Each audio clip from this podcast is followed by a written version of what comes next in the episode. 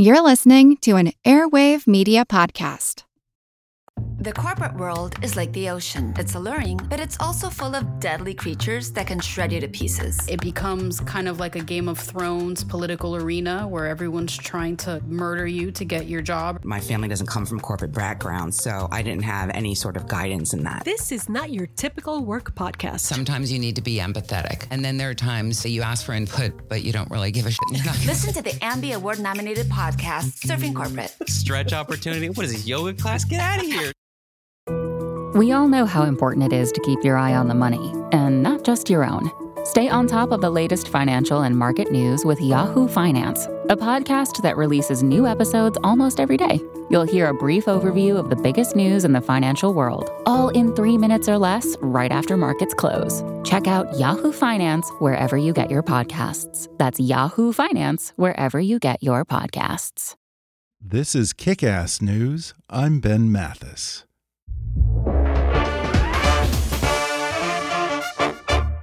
Hey, listeners, it's that time of year again, and I'm going to ask a favor of you if you enjoy kick ass news and want to keep us going. In order to support our show, we'll need the help of some great advertisers. And in order to find great advertisers, we'll need to learn a little bit more about you. So please go to podsurvey.com/kick and take a quick anonymous survey that will help us get to know you a little better. That way, we can show advertisers just how great our listeners are. Plus, once you've completed the survey, you can choose to enter for a chance to win a $100 Amazon gift card. Terms and conditions apply. Again, that's podsurvey, P-O-D-S-U-R-V-E-Y dot com slash kick. Thanks for your help, and thanks for listening. It's happened to all of us. Right before an important presentation, the printer runs out of ink. Brother Inkvestment tank printers help put a stop to this and can literally change the way you ink. With your choice of up to one or two years of ink included in box, Inkvestment Tank helps eliminate the expense and hassle of frequently buying and replacing ink cartridges. Learn more at changethewayyouink.com. And now, enjoy the show. Hi. I'm Ben Mathis. Welcome to Kick Ass News. Just two weeks ago, a jury in a New York federal courtroom found Joaquin El Chapo Guzman guilty on 12 criminal counts, including engaging in a continuing criminal enterprise, conspiracy to launder narcotics proceeds, international distribution of cocaine, heroin, marijuana, and other drugs, and use of firearms. Now, the man who reigned as the most dangerous and prolific drug lord in the world faces mandatory life in prison without chance of parole. DEA Special Agent Jack Riley says sitting in a lonely cell for the rest of his life is a fittingly pathetic end for a narco terrorist who flooded America with cocaine, meth, and heroin, murdering thousands of innocent people in the process. And he should know because for 30 years, Jack Riley led the manhunt for El Chapo, and now he's written about it in a new memoir titled Drug Warrior Inside the Hunt for El Chapo and the Rise of America's Opioid Crisis. Today, Jack joins me on the podcast to discuss how El Chapo first appeared on his radar while working on a classified task force to catch another drug kingpin, Pablo Escobar. He reveals how Chapo cleverly wrangled the cocaine trade from the Colombians how he saw America's growing opioid epidemic as an opportunity to branch out into meth and heroin, and how El Chapo managed to run a multi billion dollar drug empire from a Mexican prison. That is to say, until he one day up and decided that he didn't want to be in prison anymore and walked right out through one of his famous underground tunnels. Jack discusses being on the dangerous front lines of the war on drugs as the head of the DEA's El Paso, Texas branch how it led to a $100,000 price on his head, and what he learned about policing the border, how drugs get into America, and where they go from there. Then he reveals how El Chapo escaped capture so many times, and how the Mexican government had to postpone a raid on his compound because of actor Sean Penn. Plus, we talk about the El Chapo trial, the U.S. opioid epidemic, and what needs to be done to address it, criminal justice reform, Donald Trump's wall, and Trump's wild assertion that El Chapo had put a hit out on him. Coming up with DEA Special Agent Jack Riley in just a moment.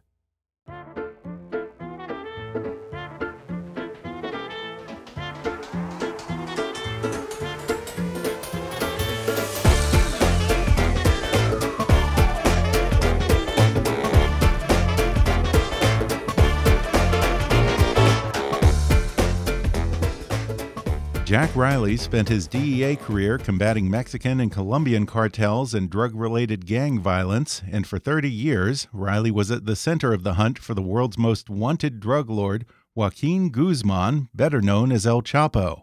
At the time of his retirement, Riley was the highest ranking career special agent at the DEA, serving as the organization's second in command, overseeing global drug enforcement efforts. Now he writes about it in his new memoir, Drug Warrior Inside the Hunt for El Chapo and the Rise of America's Opioid Crisis. Jack Riley, welcome to the podcast. Thank you very much. Well, Jack, I got to be honest, I'm probably not alone when I say that most of my reference points for the war on drugs come from watching the Netflix series Narcos. How close is the reality of your work to the fictional depictions?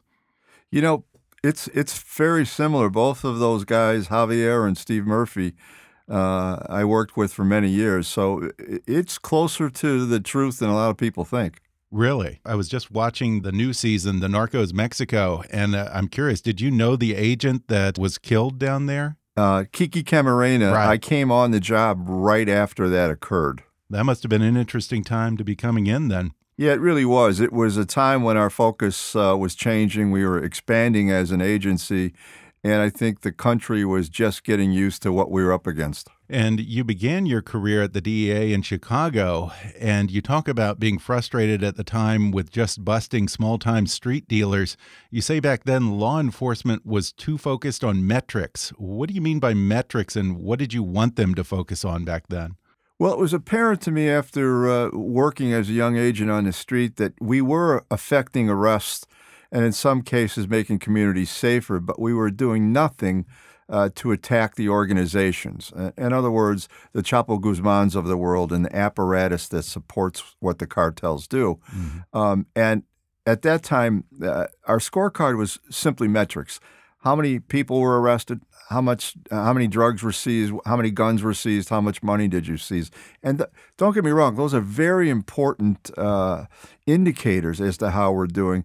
But I think the impact of our investigations on organizations is far more important. And it sounds like that was a fight that you fought off and on through most of your career at the DEA, huh? Yeah, unfortunately, there you know there's a couple schools of thought on how to do it.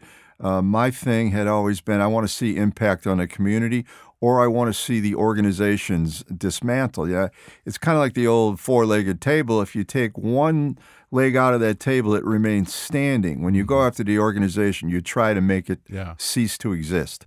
After being in Chicago for a while, you went to D.C. to join this classified task force that had been commissioned by President Bush 41 to catch Pablo Escobar. Now, I know that a lot of that is still classified, but what can you talk about about that? Well, I think it was it was a realization that uh, uh, law enforcement in general across the globe needed to do something different, and I think that's where I really learned uh, the importance of going after the head of the organization and the organization itself. Um, and that's exactly what the project was designed to do and share information with our counterparts overseas so they could make a difference there too. And if I have this right, this is where you first heard the name El Chapo, correct? It was. Uh, and uh, I, think it's important to note that at that point, we were really concentrating on the Colombian issue with uh, Medellin and Cali, uh, Colombia. And the Mexican cartels, as we know them today, really had not. Uh, uh, formed. They were basically loosely tied smugglers at that point, basic, based in geographical areas of Mexico. And uh, other than marijuana and some black tar heroin, they really were not narcotic traffickers. So at the time, did your colleagues or supervisors at the DEA or other law enforcement agencies see Guzman as a big player? Yeah, we began hearing bits and pieces about this logistics genius uh, who had uh, developed uh, various and ingenious ways to smuggle uh, illegal goods into the U.S. I mean, Chapo's famous, obviously, for tunneling. Um, so he was also uh, extremely uh, hands-on in the management of those roles, and I think uh, you know he is a mass murderer, in uh, in my opinion. But he's also one heck of a good corporate CEO. If you look at the organization he set up. Yeah, you acknowledge that El Chapo was shrewd in the way that he gradually was able to subvert the Colombian cartels and take over the cocaine trade. How did he manage to do that? Well, you know, we had been obviously all the agencies had been fairly successful in taking care of the uh, the the ports of entry. When you look at South Florida and the Caribbean theater, which was largely occupied by the Colombians, and when we did that, they had to shift the way they operated, and the logical place they went was to Mexico. Um, so there were a few figures then, Chapo being one of them, who began transporting cocaine for the Colombian traffickers into the United States. And one of the things Chapo did, uh, I think that really set him apart was early on when they would transport, say, 500 kilos for the Colombians and deliver it to the Colombian surrogates, say, in Los Angeles, they would be paid a fee, you know, $2,000 a kilo. Mm-hmm. Well, what Chapo did was he said, We'll move that for you, but you're going to give us 100 kilos. So he now had uh, a, a, far more profitable product um, that he could already use existing smuggling routes that he had developed and others had developed uh, long before that when they were smuggling all kinds of goods from illegal chili peppers to counterfeit blue jeans, anything they could get to the U.S. border uh, that would turn a profit. But now they had uh, cocaine. So while the Colombians were just using him as a delivery system, he was taking the cocaine that he was being paid in and then building his own market in the U.S. Huh? That's exactly right. He wow. was building a better car.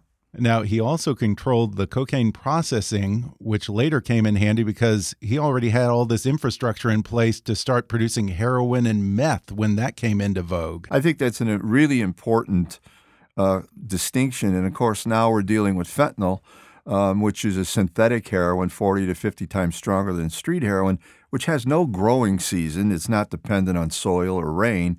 Uh, they can produce it all year round, uh, as with methamphetamine. So, again, Chapo saw the market in the United States and other places in the world, and he did everything he could to build his business around that. El Chapo saw what was going on with the opioid epidemic in the U.S and probably realized what was going on sooner than U.S. law enforcement did. Uh, is that what led him to branch out into meth and heroin as well? I think you're exactly right. And, you know, I can use the example of Chicago, my hometown. I did return back there to run the uh, DEA uh, division. And that was a, a, about 2010 we began seeing the real uh, abuse of prescription uh, drugs begin to start filtering into society. And of course, at some point, doctors stop prescribing. Pharmacists say enough's enough. You can't steal it from your grandmother's medicine cabinet anymore, but you are addicted to opioids. And your next step is to take that long, dark road down to cheap, high potency heroin. And I think Chapo saw that coming and he changed his business model to make sure that he was in a position to profit. And you were also DEA special agent in charge of St. Louis for a period where you personally witnessed how bad meth was getting.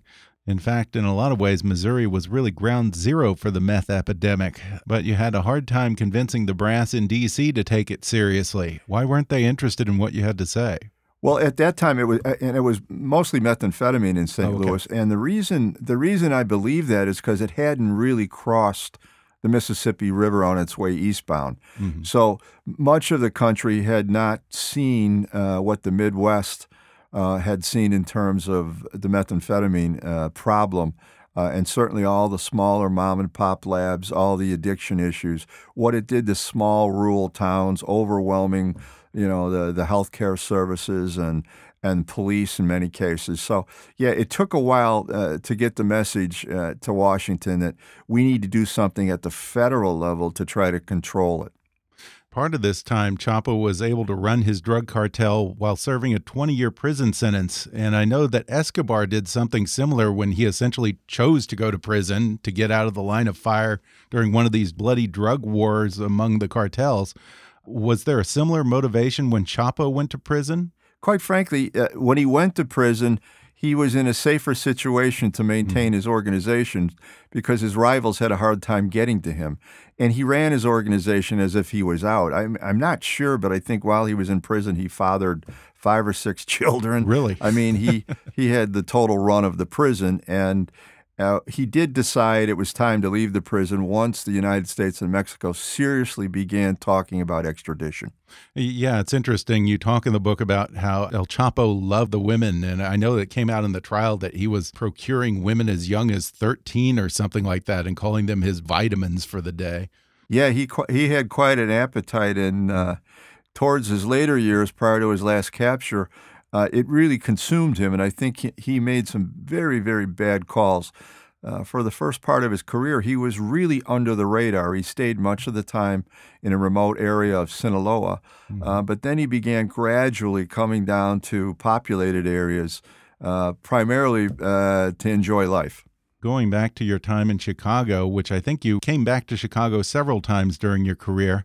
And one thing that comes out that was interesting to me is El Chapo's U.S. hub wasn't really L.A. or Miami, San Diego, the places that folks like me would usually think of as being hubs for drug action. Instead, he was trafficking straight from Mexico to Chicago. What was the significance of Chicago to his operation? Well, I think you have to look at his genius in that. I mean, that's why many Fortune 500 companies are located in and around the Chicago area. It's in the center of the country, mm-hmm. extremely strong interstate highway systems, truckings and rails, all those things that make uh, Chicago uh, very, very uh, easy for traffickers to work in. Also, Chicago, I think, is the third or fourth largest Mexican population outside of Mexico, which really gave him an opportunity, and of course, the people that work for him, to hide amongst thousands of hardworking uh, Mexican Americans. And he had some pretty bad dudes coming up to Chicago to run his operation and take things over from kind of just the run of the mill street gangs. I think you said that you really got worried when the Zetas started to move into Chicago, huh? Yeah, absolutely. I mean, because uh, technically at that time, they really, truly were a former military unit and they were grasping control based off fear and intimidation. And obviously, the many murders that they were responsible for at uh, Chapo's direction in Mexico. And things really start to heat up when you're transferred to run the DEA operation in El Paso. Then you were in the heart of Chapo country and right in his crosshairs. How dangerous was it for you and the other agents down there?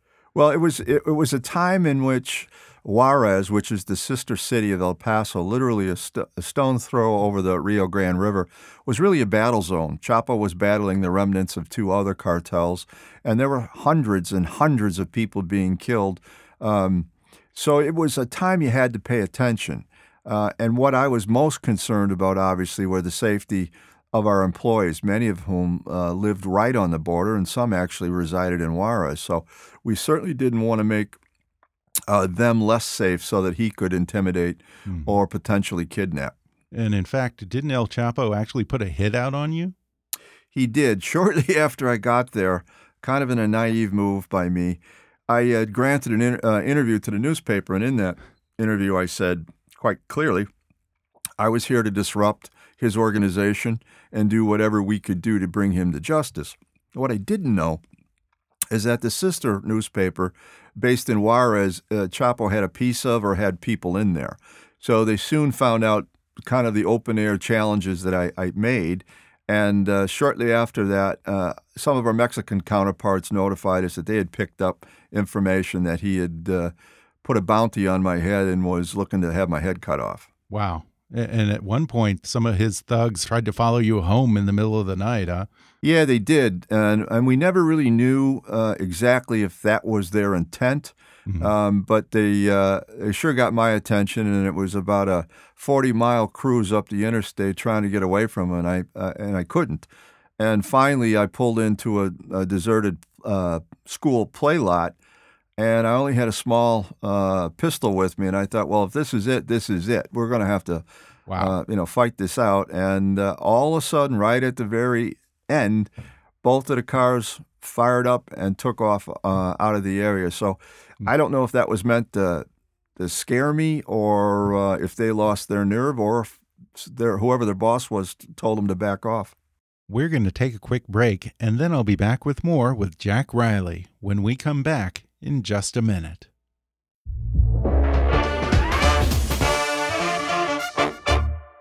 If there's something interfering with your happiness or preventing you from achieving your goals, BetterHelp Online Counseling can help. BetterHelp offers licensed professional counselors who are specialized in issues such as depression, anxiety, relationships, trauma, anger, family conflicts, LGBT matters, grief, self esteem, and more.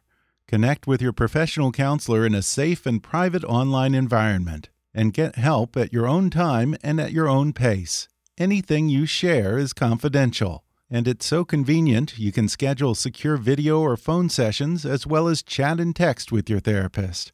If for some reason you're not happy with your counselor, though, you can request a new one at any time for no additional charge. Best of all, it's a truly affordable option. Kickass News listeners even get 10% off your first month with the discount code KICK. So why not get started today? Go to betterhelp.com/kick. Then simply fill out a questionnaire to help them assess your needs and get matched with a counselor you'll love. That's betterhelp.com/kick. One more time, betterhelp.com/kick. And now, back to the show. Now, I remember during 2016, uh, Donald Trump claimed that El Chapo had put out a hit on him, supposedly because he was cracking down on the border. You're someone who actually did have a hit put out on him by El Chapo. What did you think of that? Was that just BS, or did you ever hear any talk of a price on Trump's head? No, I never. Uh, no. I remember reading about that, but I never saw it in any official intelligence reports. Yeah. I mean, it, it it doesn't surprise me that Chapo would do something like that, but I, I, I don't have any yeah. you know firsthand knowledge that that occurred. And in one of the more farcical moments from your time in El Paso, uh, the Mexican Attorney General invites you down to Mexico to view their anti-drug operation in action. Were you very impressed by that? No, as a matter of fact, I was the whole time we were down there. It was very clear that they were trying to show that uh, they were doing whatever they could with the military to, to suppress the cartels. Uh, a funny story about that is uh, when they flew us into the mountains where they were going to uh, attack these uh, marijuana fields, uh, we flew on an old vintage Russian helicopter. And when we got on board, the thing was leaking everything oil, you name it. It was, and of course, the pilots couldn't speak a lick of English. And so we're on the thing, and they handed us bulletproof vests. And I'm thinking to myself, what are we doing here? But what they wanted us to do was to sit on the vest. so as the helicopter flew over the fields, the traffickers, uh, I guess, frequently shot, shot up, and they didn't want to come in through the, the bottom of the copter. Yeah, throughout the story, you talk about having a difficult time convincing the Mexican authorities to actually go after El Chapo and even having trouble convincing local sheriffs in your jurisdiction down there along the border to actually enforce the law and go after the bigger fish. The attitude with a lot of sheriffs was, you know, it's not our problem, it's just passing through. Absolutely. And, many of those sheriffs along the border, some of them are just flat out heroes. They're very poorly funded and mm-hmm. resourced. So uh, they had a tough job just maintaining day, day to day in certain areas. I think our problem at that point was uh, building relationships with our Mexican counterparts, uh, which was really important down the road because we could have never captured Chapo or other high value targets without the assistance of them. And that yeah. took years to do. Early on, it was very difficult to share information with them for fear it would be compromised or they would really do nothing with it. But we we did some great bridge building, and I think I think right now we've got a really uh, good relationship, both along the border and with our agents working side by side in Mexico with our mm -hmm. counterparts. And after El Chapo is caught for the second time, I think, you moved to D.C. to take over as DEA Chief of Operations, which was, I believe, the number three position at the DEA. And of course, El Chapo had been caught, but you heard chatter that he was already plotting a prison break and tried to warn your counterparts in Mexico and also people up the chain of command in law enforcement. How did you know that he was already plotting another escape? Well, first of all, at that point, we really knew uh, his ability uh, to secure, I mean, quality engineers to build tunnels. We'd, mm-hmm. we'd seen it for years along the border for uh, drug trafficking. And um, so we were beginning to hear intelligence information uh, from a variety of sources saying that uh, he was in the process of planning to tunnel out. So I took the opportunity when I was down there for a, a meeting to pull aside the head of the federal police and tell him. Um, and I believe this was in April um, could be wrong. I think it was in April. And of course, he looked at me like, you know, how dare you come down and tell me how to do, you know, do his job. And and that's really all you can do in those situations. And uh, one of the things that was I was alarmed about was they all knew he was a tunnel expert, and they never moved him. They kept him on the same in the same cell for over a year, and it just happened to be on a ground floor. So uh, several months after that meeting, uh, Chapo rides out a motorcycle through the tunnel, and he's in the wind again. Yeah, that's what I wondered when all this happened and he escaped for the second time through a tunnel. Did it never occur to anyone to put him on the second floor? no, well, it occurred to me, but no, the problem is nobody listened to me. Yeah. And when he finally did escape again, I think it was probably in the middle of the night, you call your boss, the DEA administrator Chuck Rosenberg, and tell him that El Chapo escaped again. What did he say? Well, Chuck was brand new to DEA, and of course, he'd come over from the FBI. Mm -hmm. And he just asked me, Could you tell me again who Chapo Guzman is? And of course, I did. And he remembered. But um, yeah, that was just, that kind of got my attention too. Yeah, I mean, by that time, wasn't El Chapo pretty well known, not just in your circles, but through the media as well? Yeah, I think he'd he'd become uh, kind of a folk hero mm -hmm. to some people, and he was certainly in the media. Um, yeah. It's interesting. That night, I found out, and I talk about it in the book. I didn't find out from our command center in Washington. Uh, I come, I found out from my son, who saw it on Twitter. Um, and of course, that was the first time anybody in the agency knew. And it, it, was, it just showed at that point, I think the Mexicans were hesitant to tell us. And uh, I think they thought they could have him back in custody in several hours, which obviously didn't happen. Yeah, yeah, and you snapped right into action, and it gets into this manhunt for El Chapo for what now the third time. And in the most ridiculous scene in the book, you recall the moment when you guys had tracked El Chapo down to a valley in, I think it's called La Tuna, you have the Mexican Marines in place ready to raid his compound, and suddenly things go sideways for the stupidest of all possible reasons. Can you tell that story? Yeah, we were um, we had been working uh, obviously with our, our uh, the Marines down there trying to locate an area, and for several weeks we kind of felt we had them uh, in a very remote area. So the Marines, being as great as they are, uh, made the decision to go and stage, and they were going to try to ascend uh, on foot uh, because several times before they'd used helicopters, and of course you can hear those coming. And uh, so I, I remember uh, going to dinner with friends thinking the, the operation was a go and it was their call when to do it. And then uh, the next day, when I got my morning briefing, they said that they didn't they, they didn't execute, and I wanted to know why. And that's when we were told um, there were a, uh, an American so-called journalist up there, along with uh, uh, an actress. And when when I dug into it, of course, it turned out to be Sean Penn, who, by the way, is not much of a journalist. Yeah. So they actually held off on the raid because Sean Penn and a Mexican actress might have been in the compound. Yeah, it certainly influenced them. I'll tell you that. Gosh. I think you say that you wanted to have Sean Penn and this Mexican actress prosecuted for obstruction. Why weren't they thrown in jail for that? Um, well, because uh, he claimed he was there as a journalist, and uh, evidently the the decision was made at the Department of mm-hmm. Justice that you know not to. Um, but what I was most concerned about, uh, and what I'm always concerned about, is the danger he put our Mexican counterparts and some of U.S. agents in. Yeah. Um, which, which uh, you know, I, I still at night wake up fuming. Finally, you've got El Chapo for the third time in prison. How did you get Mexico to extradite him quickly before he could slip through their fingers again? You know, that's a great question. I think one of the reasons uh, it was a national embarrassment to them, and I was mm -hmm. I felt bad for them, quite frankly, uh, when he did escape. And I think at that time they made a decision at the highest levels of government. Uh, we're going to go through the legal process, but the end game here is to get him out of Mexico. And uh, you know, in in thinking back, I, just can't tell you how proud. First of all, I didn't single handedly catch Chapo. No way.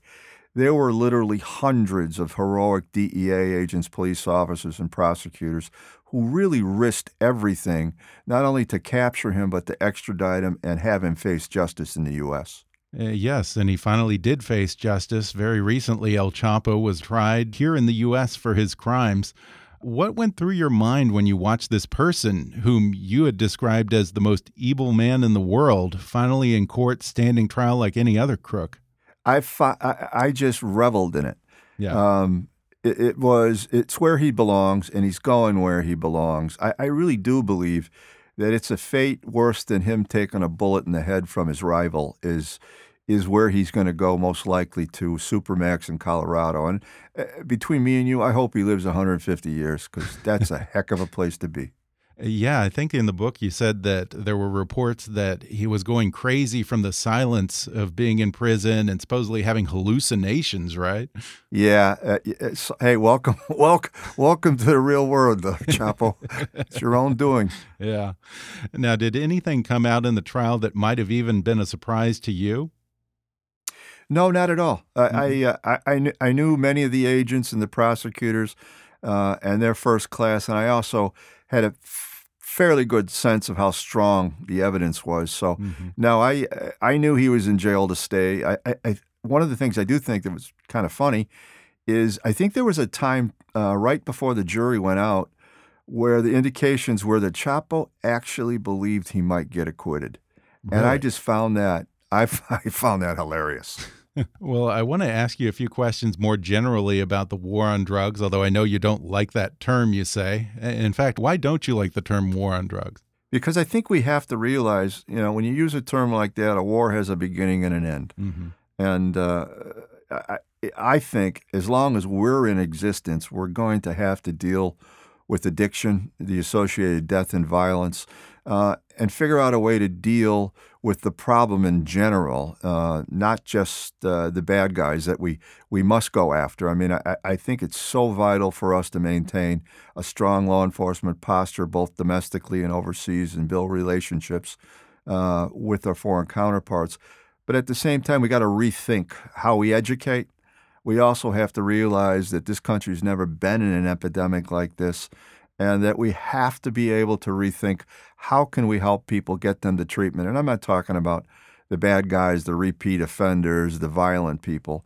Uh, I'm talking about the everyday uh, U.S. citizen who finds themselves in the grips of addiction, either through pres prescription drugs that led to heroin. Um, and how do we effectively make sure that we make this treatment uh, available to people that need it and want it and maybe mm -hmm. can't afford it? Well, Donald Trump promised the American people that he was going to tackle the opioid epidemic head on. As someone who's overseen the war on opioids personally, uh, have you been impressed so far by his efforts? To be honest with you, I think the real national emergency mm -hmm. is is the fact that 120 of our U.S. citizens are dying a day. They're estimating now some 70,000 people will lose their lives next ne this next year because of drug abuse, and much of that is opioid based. So, yeah, I I think we got to do a better job. I know controlling the southern border um, is a good thing. Uh, I think the wall will have a uh, effect on illegal uh, alien migration, but until we step until we step up our manpower and technology at the ports of entry, I'm not so sure we're going to have a big uh, big effect on on uh, stopping the flow of drugs. Uh, there's an old saying on the border, you know, you build a 10 foot wall, I'm going to get 11 foot ladder. Yeah. Yeah. And most of the data seems to indicate that drug flow across legal entry points way outweighs the drug trafficking across the illegal parts of the border. Your experience bears that out from what you've seen? Yeah, uh, yes, sir. Especially, I mean, it, it just doesn't make financial business sense for cartels to move high volume of narcotics through desolate uh, terrain and unwalled areas. Mm-hmm. Um, when they can take advantage of the thousands and thousands of vehicles and people that cross uh, in in and out of Mexico every single day. Right. Okay. So logistically, it's a lot easier to do that than you know, driving across dirt in some empty uh, prairie or something. Uh. Yeah, and I'm not I'm not saying that doesn't occur, but the major stuff comes through. You know, if you just look three weeks ago, CBP seized a record load of fentanyl, um, mm. synthetic heroin, and that came secreted in a uh, a compartment hidden on, a, I believe, an 18 wheeler. We had never gotten it. Uh, at the port of entry if we did not have the ability to x-ray. So I would like to see some enhancement in that capability along with with strategic uh, barriers, which I do think will have an effect. Yeah. And as someone who spent a lot of time with border sheriffs inspecting the holes along the border, sometimes literal holes in the case of El Chapo's drug tunnels, do you think that a wall would actually at least slow down the flow of illegal drugs? And, and would, I- or would I- it be a cost effective way? Yeah, I I- think one of the things we, we need to look at is uh, it would it would have some effect on smaller, I think, independent entrepreneur type uh, traffickers, but the major cartels, the Sinaloas. Uh, I think because uh, they're very, very good at using the ports of entry. You know, I think right now we're only x-raying 30, 35%. So if, if you're Chapo Guzman and you send 10 cars at the same time across the border, there's a pretty good chance you're going to get 50 to 60% of that through. Um, and you only got to bat 300 to be in the Baseball Hall of Fame. You can Yeah. see the business uh, side of it. And as someone who didn't want to focus on the small time street dealers and so forth, I'm curious how you feel about the recent criminal justice reform law and the effort to release low level drug dealers. Yeah, I, I, I, think uh, that is an evolution that's been happening for a while. Uh, you know, it's important to understand, at least at the federal level, there are very few people uh, in custody serving time uh, for personal use amounts of narcotics, and usually there's an element of violence connected to them. So, um, you know, to release nonviolent uh, drug offenders, I, I guess is a is an option that we need to look at. Um, but I think we have to do it, and we have to do it very sparingly, and make and making sure that people are who we think they, are. If you were in charge of the DEA today, what would be the number one thing that you would want to do to address the drug problem here? I think first of all, uh, DEA right now is uh, down. Uh, at least when I left, five six hundred agents. Really? Uh, we're authorized to to hire those agents. We just don't have the budget. I would really push hard for that.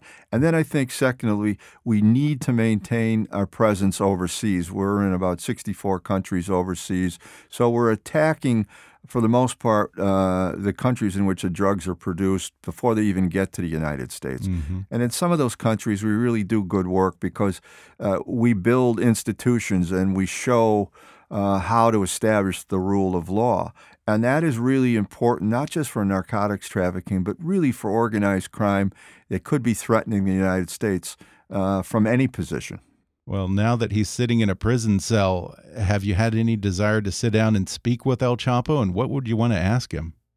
I would just say I don't know how, uh, you know, the thousands and thousands of innocent people that died because of him and his organization. You know, some of those uh, those images are seared in my memory, and I just like to know, just to make sure that he understands that he's responsible. Um, and that's really it. Uh, other than I'd probably take a swing at him, but that Yeah. would that would probably get me in trouble. Probably.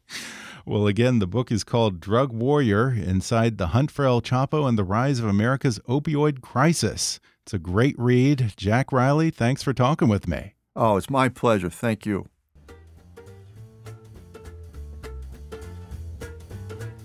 Thanks again to Special Agent Jack Riley for coming on the podcast. Order his new book, Drug Warrior Inside the Hunt for El Chapo and the Rise of America's Opioid Crisis on Amazon, Audible, or wherever books are sold. Whatever struggles you're facing, from depression and anxiety to trauma and grief, BetterHelp can connect you with a professional counselor in a safe and private online environment. It's so convenient you can schedule secure video or phone sessions as well as chat and text with your therapist. And anything you share is completely confidential. Best of all, it's a truly affordable option. Kick-Ass News listeners even get 10% off your first month with the discount code KICK. So why not get started? Simply go to betterhelp.com/kick and fill out a questionnaire to get matched with a counselor you'll love today. Be sure to subscribe to Kickass News on Apple Podcasts if you haven't already. And if you like what you're hearing, then rate and review us while you're there. Five star reviews are the easiest way for new listeners to find us. Don't forget to like us on Facebook and follow us on Twitter at, at KickassNewsPod. And feel free to email me with your thoughts, questions, and suggestions at comments at kickassnews.com. Until next time, I'm Ben Mathis, and thanks for listening to Kick Ass News.